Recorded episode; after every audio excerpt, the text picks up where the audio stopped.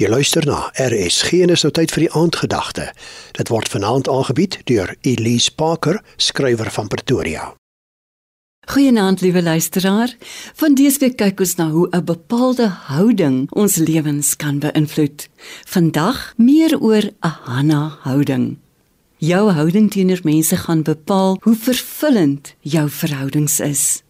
'n Hanna houding is een van nederige opoffering. Hanna na eggenoot Elkana was kinderloos. 'n Vrou in Hanna se tyd is net geëer as sy kinders het.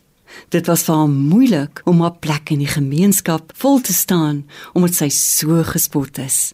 Sy het op 'n dag na die Silo tempel gegaan en so hartstogtelik vir 'n kindjie gebid dat die hoëpriester Eli gedink het sy is dronk. Sy het beloof om so 'n geskenkkind aan God af te staan vir diens. God het haar nood gehoor en haar pleitbede aan hom beantwoord. Sy was gou swanger met Samuel en het haar belofte nagekom om hom aan God toe te wy. Sy het hom egter nie net by Eli afgelaai en verdwyn nie. Sy het by hom betrokke gebly en gereeld besoek.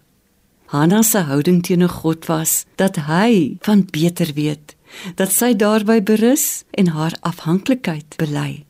Sy het 'n mooi loflied geskryf oor die God wat dinge kan verander. Haar houding het ook gewys dat sy glo alles wat ons het en ontvang net tydelik deur die Here aan ons geleen is. Jesus illustreer ook vir ons 'n nederige en 'n opofferende houding soos Hanna. Hy het die Vader en sy volgelinge nederig gedien en die finale soenoffer gemaak terwyl hy sy afhanklikheid aan die Vader bely het. Hoe leef ons so 'n Hanna houding uit?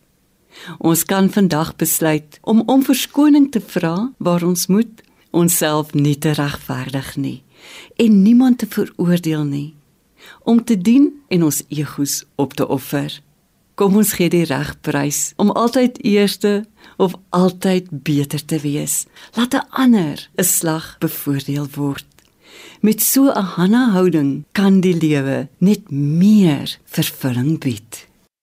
Dit was dan die aandgedagte hier op RSG, aangebied deur Elise Parker, skrywer van Pretoria.